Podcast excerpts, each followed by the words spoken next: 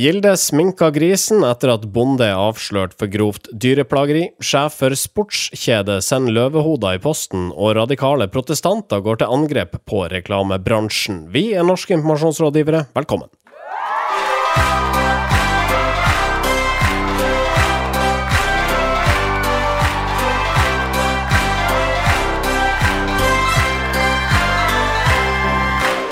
Jeg heter Marius Skjerve Staulen. Denne sendinga presenteres av medieovervåknings- og analyseselskapet Retriever. Sindre Holme, hallais. Hallais. I dag er vi alene igjen. Ja, jeg er det. Uh det er mulig det er noe med meg eh, som gjør det. At jeg stadig vekk eh, sliter med å få folk inn i studio sammen med meg. Kan det være noe med kroppslukta? Ikke vet jeg. Ok. Um, vi får uh, gun på her. Mange har fått feriepenger denne uka, og i tillegg så har skatteetaten utbetalt det de er skyldig eh, norske skattebetalere. Eh, men de jubla Høyre, direktørene i Jernbane-Norge. Etter at NSB ble splitta opp i en rekke forskjellige selskaper, har vi nå rundt 50 direktører med kontroll over jernbanetilbudet, og i snitt så har de altså en lønn på over 3 millioner kroner, melder NRK. Det blir mange togturer med de pengene man får reist rimelig mye eh, for disse millionene som de direktørene eh, håver inn, da. Altså nå er det jo NSB, det som før var NSB, er blitt delt opp i seks forskjellige selskaper. Og selvfølgelig, alle disse selskapene må ha en direktør. Selvfølgelig. Og innenfor staten så betyr jo det at hvis du er direktør, så er du på et eller annet lønnstrinn der du kan dra, dra i land ganske mye penger, da. Men det høyeste lønnstrinnet, altså statens lønn for ansatte i staten, heter tabellen jeg kikka på på regjeringa.no, og det høyeste lønnstrinnet er lønnstrinn 101, og det er bare 1,3 millioner. Ja, så da går det an å gå litt over det, da. Ja, tydeligvis. Jeg ser jo konsernsjef Geir Isaksen, han tjener, tjener 6,2 millioner kroner. Ja. Så han firedobler vel det, cirka, han da. Lett. Eller lett, ja det er jo fascinerende hvis du ser på liksom direktørene i de største norske selskapene, så er jo Så klarer vi å konkurrere ganske bra der, altså. Ja. Altså jeg tror uh, han Eldar Setre i Equinor var ikke åtte uh, millioner han tjener i året. Ja, men han selger jo i hvert fall olje. Det er jo ja. mye penger i det. Jo, er, de omsetter for litt mer i Equinor enn i, enn i Vy. Ja. Uh, men det som er uh, kan være interessant å se, er jo at nå som jernbane, jernbanen blir konkurranseutsatt, så må vi jo se om uh, ok, fortsetter de bare å få høyere og høyere lønn, eller vil de få lavere lønn hvis de faktisk mister anbud, som de jo har gjort flere ganger i det siste. Det blir interessant ja. å se. Neste år på denne tida her så kan vi jo ta opp dette temaet igjen og, og se har Geir Isaksen fått mer feriepenger i år enn i fjor. Ja. Eller er Geir Isaksen der fortsatt? Ja, eller er han der fortsatt? Eh, eller er det en annen eh, tidligere politiker eller et eller annet sånt nå, som har tatt over? De ble relativt eid av eh, SJ, det svenske selskapet Vy. Ja, det gjorde det. Og jeg vet ikke hvordan lønningene er der. Men det er jo et, det svenske Jernvegar som hadde et 24% lavere kost... Eller det kom et tilbud på Nordlandsbanen som var 24% lavere i pris mm. enn Vy. Uh, og det Hvis vi hadde tatt bort uh, alle de høye lønningene, så hadde de også kanskje kunnet levert et billigere anbud. Ja. ja. Uh, vi diskuterte det her før vi satte i gang sendinga i dag, opptaket. det er ganske mørk sending veldig mørk uh, sendeplan. Jeg vet ikke hva det kommer av. Det kan være at vi har et veldig sånn tungsinn når sola står på. Nå er det jo ikke sant? Dette er jo Nå, nå vi, spiller vi jo en sending kanskje årets lyseste dag. Ja. Og da har vi årets mørkeste sending. det er noe bipolart over det. Jeg vet ikke. ja, det er det. Ja. Uh, men uh, vi prøver oss. Vi kjører i gang denne episoden av NIR. Norske informasjonsrådgivere. NRK sendte denne uka en dokumentar som sjokkerte seerne. Den er basert på skjulte opptak over flere år og viser grisebønder som mishandler dyrene sine. Vold, inhuman avlivning, grisunger som slås i hjel og kastrering med sløve kniver. Det er forferdelige greier. Og Gilde, som da videreforedla svinekjøtt fra gårdene, har fått krass kritikk etter at de i etterkant av dokumentaren rykka ut annonser i ni norske aviser, hvor de stadfester at dersom det står Gilde på pakka, så skal du være trygg på at dyra har det bra. Ja, de, de påstår det, og det var deres Uh, eh, umiddelbare respons på den dokumentaren, som er ganske eh, drøy. Jeg, jeg, så den eh, tidligere i dag. Eh, det er da Norun Haugen som Takk til henne, vil jeg si. Som har gått undercover og, og besøkt 13, sammen med en annen eh, kar. eh, besøkt da 13 forskjellige grisebønder i Norge, og hvor de da fant at alle 13 har brutt loven på en eller annen måte. Eh, og her så vi jo kastrering av griser uten bedøvelse, eksempel, som jo er Ja, For hvordan foregår den kastreringa? Nei, den er rett og slett du bruker, De bruker en skalp, skalpell og skjærer av ballene på grisen. Eh, og du kan jo tenke deg sjøl eh, hvordan det eh, ville vært. Det er jo slemt. Og, og bonden som gjør det, sier jo også på på, på tape at uh, dette her er jo dyremishandling. Hvis dette her går ut, hvis du har skjult kamera på deg nå, så ligger jeg tynt an, sier han. Og det, det hadde hun jo. Så eh, det som er eh, spesielt der, er jo at det dokumentaren ønsker å få frem, det er at eh, det er ikke enkeltbønder som gjør feil, det er et system som er feil. For de mener når 13 av 13 gårder bryter loven, de mishandler dyr, og de eh, avliver de på veldig eh, enkle og fæle måter, uten å, uten å tilkalle veterinæren pga. at det tar lengre tid, så er det noe med eh, kravene fra Gilde og Nortura og den type aktører som må være eh, feil. En av bondene sier at eh, dette er konsekvensen av at svinekjøttet er så billig i Norge. Ja, altså det, det syns jeg er litt interessant, for hvis vi ser på matvareprisene i Norge totalt sett, så er jo de mye høyere i EU enn i EU. Altså det er noe sånt eh, 50% dyrere enn snitt eller noe sånt noe, eller mer enn det også. Og matvareprisene har jo eh, stort sett økt, men det er innenfor visse kategorier har de ikke økt i det hele tatt. Eh, som for eksempel eh, prisen på kjøtt er jo veldig lav. Og her er det mange aktører, det er veldig komplekst dette her, og jeg tror ikke vi kan eh, Vi er ikke liksom eh, bedriftsøkonomer noen av oss, i hvert fall ikke jeg. Ikke er det. og kan ikke si hvem det er som eh, hvem som har innkjøpsmakt og forbrukermakt, og hvem som bestemmer at det skal være billig. Men det er et eller annet sted er det noe galt her. Og Gilde med å si at Står det Gilde på pakka, skal du være trygg på at kjøttet alltid er norsk og at dyra har hatt det bra, så syns jeg det vitner om en liksom forsøk på en eh, ansvarsfraskrivelse. Men hvilket ansvar har Gilde i en sånn sak som dette her? Det jo, blir jo interessant å se i debatten framover, hvem som egentlig vinner denne her eh, diskusjonen. For her er jo Bondelaget også en aktør. Eh, eh, Så jeg vil jo tro at eh, hvis du går inn på nettsidene til Gilde, så, så står det noe om dyrevelferd, og at de, de, stille, de stiller krav til, til sine bønder.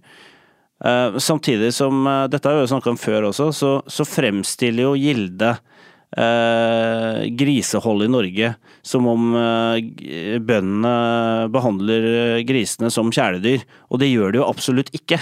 Sånn at det er en veldig feil fremstilling av hvordan dyr behandles i Norge. Så jeg, tenker at eh, Gilde trenger å ta en diskusjon, eh, og alle, egentlig landbruksministeren også, om hvordan vi nå skal fortelle historien om hvordan norsk kjøtt blir produsert. For liksom det det det her rokker ved, er jo den derre oppfatningen om at norsk er så veldig mye bedre enn andre ting. Altså at norske råvarer skal være så mye bedre. Men Gilde har jo satt en eh, standard gjennom dette såkalte griseløftet. Og det eh, det er da et løfte om at eh, altså, griser skal ha en, en viss velferd, i hvert fall, Ja. på, uh, på gården. Men det ser ikke ut til at man er i nærheten av å klare å opprettholde dette løftet. Nei, og det er vel kanskje sånn eh, intet sett, intet hørt, eh, eller sånn det vi ikke ser, det, det har vi ikke vondt av, eh, type situasjon, da. Fordi at Gilde har jo også en sånn derre eh, premiummerking som heter edelgris, der grisene skal da enda bedre enn de vanlige grisene igjen. Ja. Men det er liksom vanskelig å forstå hvordan Gilde etterlever disse kravene, og hvordan de sjekker at faktisk er det sånn eh, tilstanden er på norske gårder. Eller er det sånn at eh, disse grisene blir mishandla, får, får eh, for lite fôr, får for lite plass, og generelt sett lever kummerlig. Hvor er Mattilsynet oppi alt dette her? Jeg hører ofte om, om hvor forferdelig det kan være på minkfarmer, men altså, er det ingen som bryr seg om disse stakkars grisene? Ja, det virka jo eh, Journalisten i denne dokumentaren hadde jo eh, tipsa Mattilsynet om tilstanden på disse gårdene. Og det Mattilsynet da hadde gjort, var altså gå og kikke inn gjennom vinduet og sagt at nei, det ser bra ut. Så Sånn at det virker som Mattilsynet også må ta litt tak, da. Og faktisk få, få på plass bedre rutiner for hvordan de sjekker eh, gårder. Jeg, jeg aner ikke, det virker som det er en liten ukultur i Mattilsynet. For som du sier, det er eh, ikke sant, det, det, med minkfarmen, hvor eh, rett og slett ble rapportert helt feil eh, om tilstanden. Så vitner det om noen problemer der, ja. Gilde har altså et uh, løfte overfor uh, forbrukerne kalt griseløftet, og det, det sier et eller annet om hvordan man skal behandle disse dyrene som lever i fangenskap, fram til de blir avliva og, og, og blir til mat på norske forbrukeres fat. Hva skal Gilde gjøre nå? Ja, nei, jeg kom til å tenke på at uh, det er jo uh, Try som står bak denne Gilde-kampanjen. Uh, disse helsides annonsene de har rykka inn. Og det, jeg syns det var et litt sånn fiffig sammentreff, for nå foregår denne reklamefestivalen nede i Cannes. Og der har Try vunnet pris for en kampanje som heter Dyrenes nødnummer. Hvor de hadde en kamp... Hvor, hvor de lagde en kampanje for DNB. Eh, hvor de liksom, det var en aksjon for å få lagd et eget nødnummer for dyr.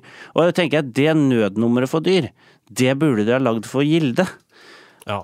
Eh, sånn at eh, man kunne ringe inn og eh, rett og slett eh, fortelle når noen dyr ikke har det bra på gårdene rundt omkring. Eh, og det hadde jo vært et kjempegodt eh, PR-grep av Gilde, og sagt at vet du om dyr som blir behandla dårlig på norske gårder, ring dette nummeret, så tar vi tak. Vi rykker ut umiddelbart og får retta opp i saker og ting. Norske informasjonsrådgivere. Sjef for sportskjeda XXL, Øyvind Tidemansen, har vært i Afrika og skutt løver, melder E24. Ifølge Wikipedia er fyren kjent for å være troféjeger.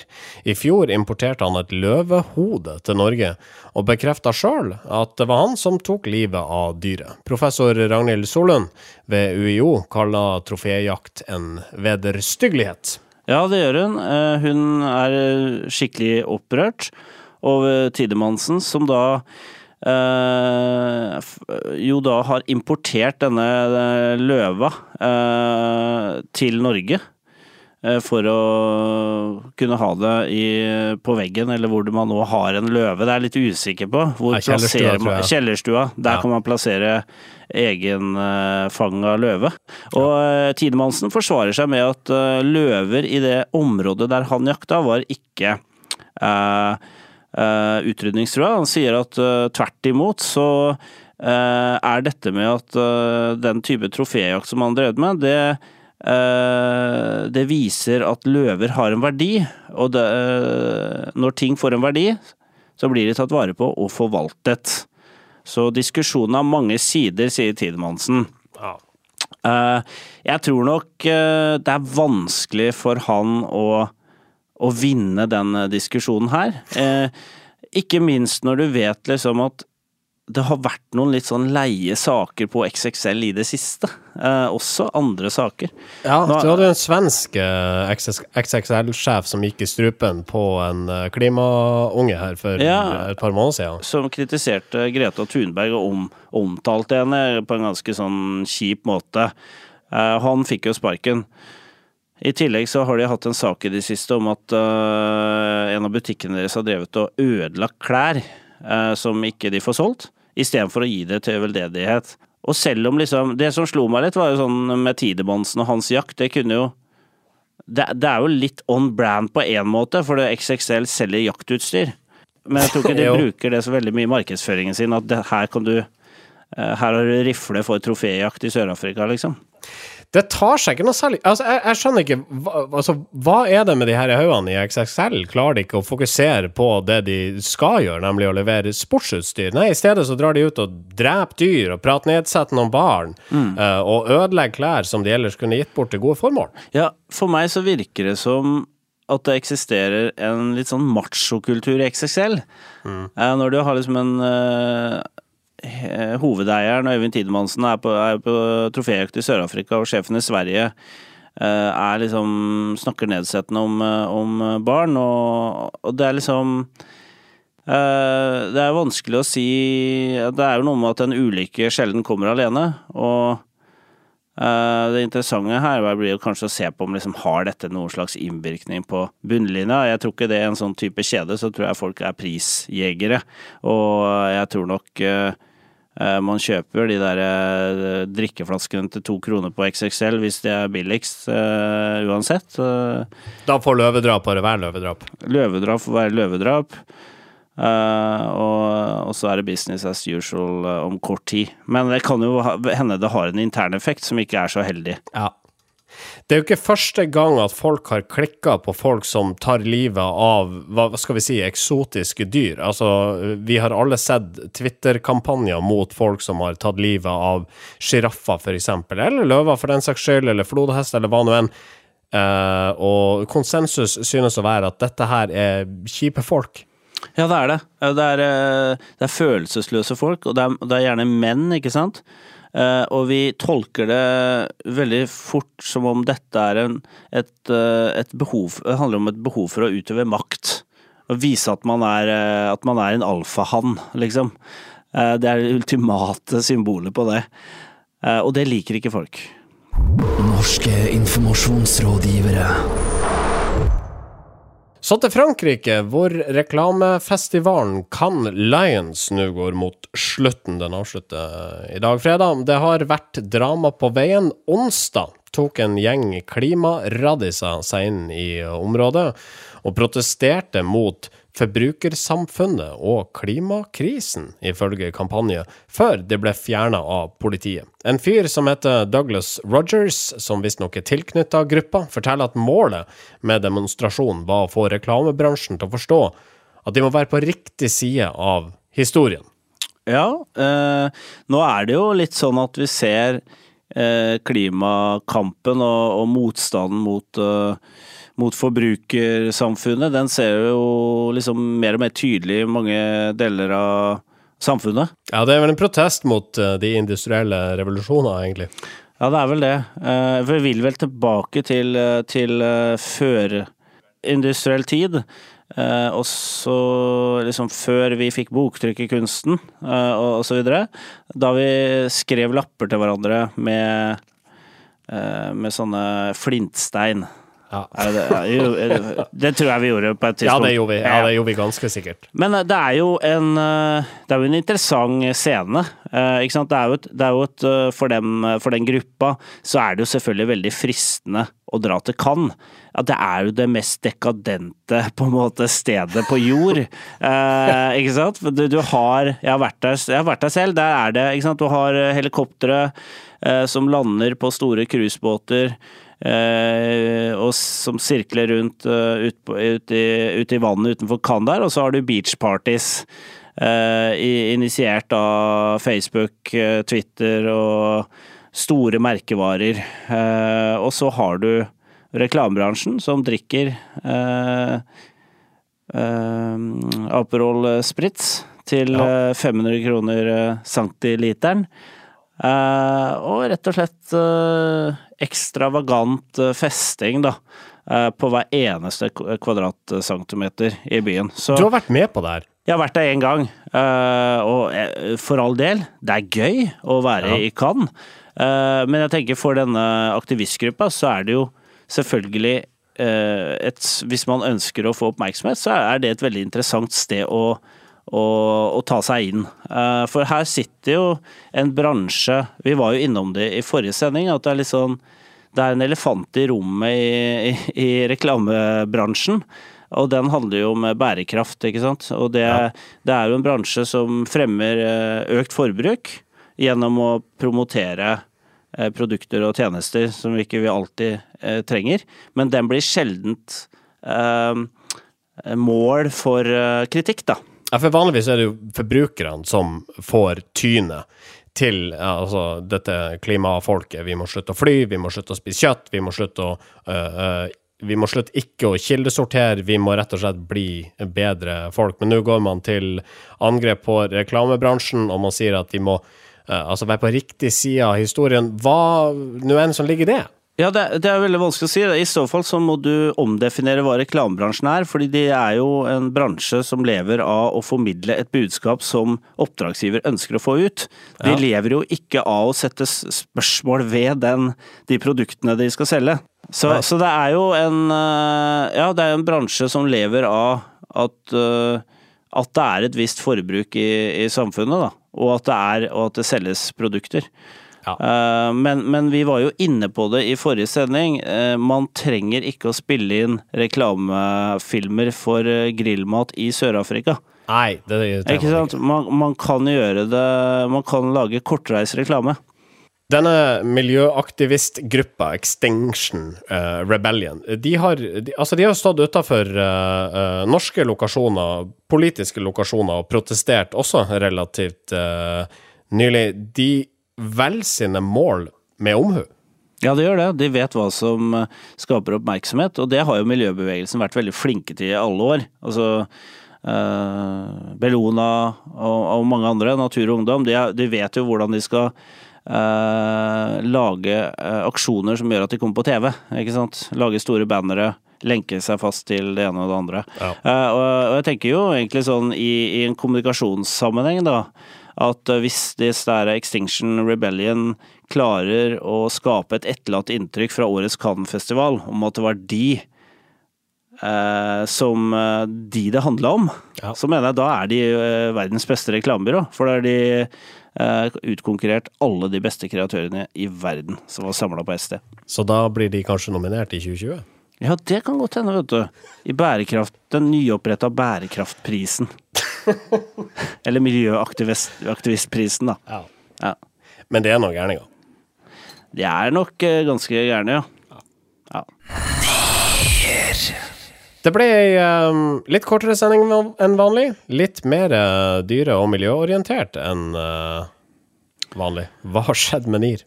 Uh, hva har skjedd med NIR? Eh, nei, eh, jeg vet ikke. Det er noe med at dyr er så Det er så koselig med dyr. Ja. Jeg er veldig glad i, i dyr selv, eh, og har, eh, har en ørkenrotte og en kranset gekko hjemme. Eh, og hvis noen, en norsk bonde eksempel, hadde kommet inn døra og skulle begynne å kastrere denne kransete gekkoen, da hadde det klikka for meg. Da hadde jeg kastrert bonden, for å si det sånn. Hadde du bedøvd han før du gjorde det? Eh, Det, det hadde jeg absolutt ikke gjort. Så han skulle fått skrike som en stukken gris i timevis etterpå. Jeg hadde ikke ringt legevakta heller. Jeg hadde Nei. ringt, jeg hadde ringt uh, dyrenes nødnummer, 114.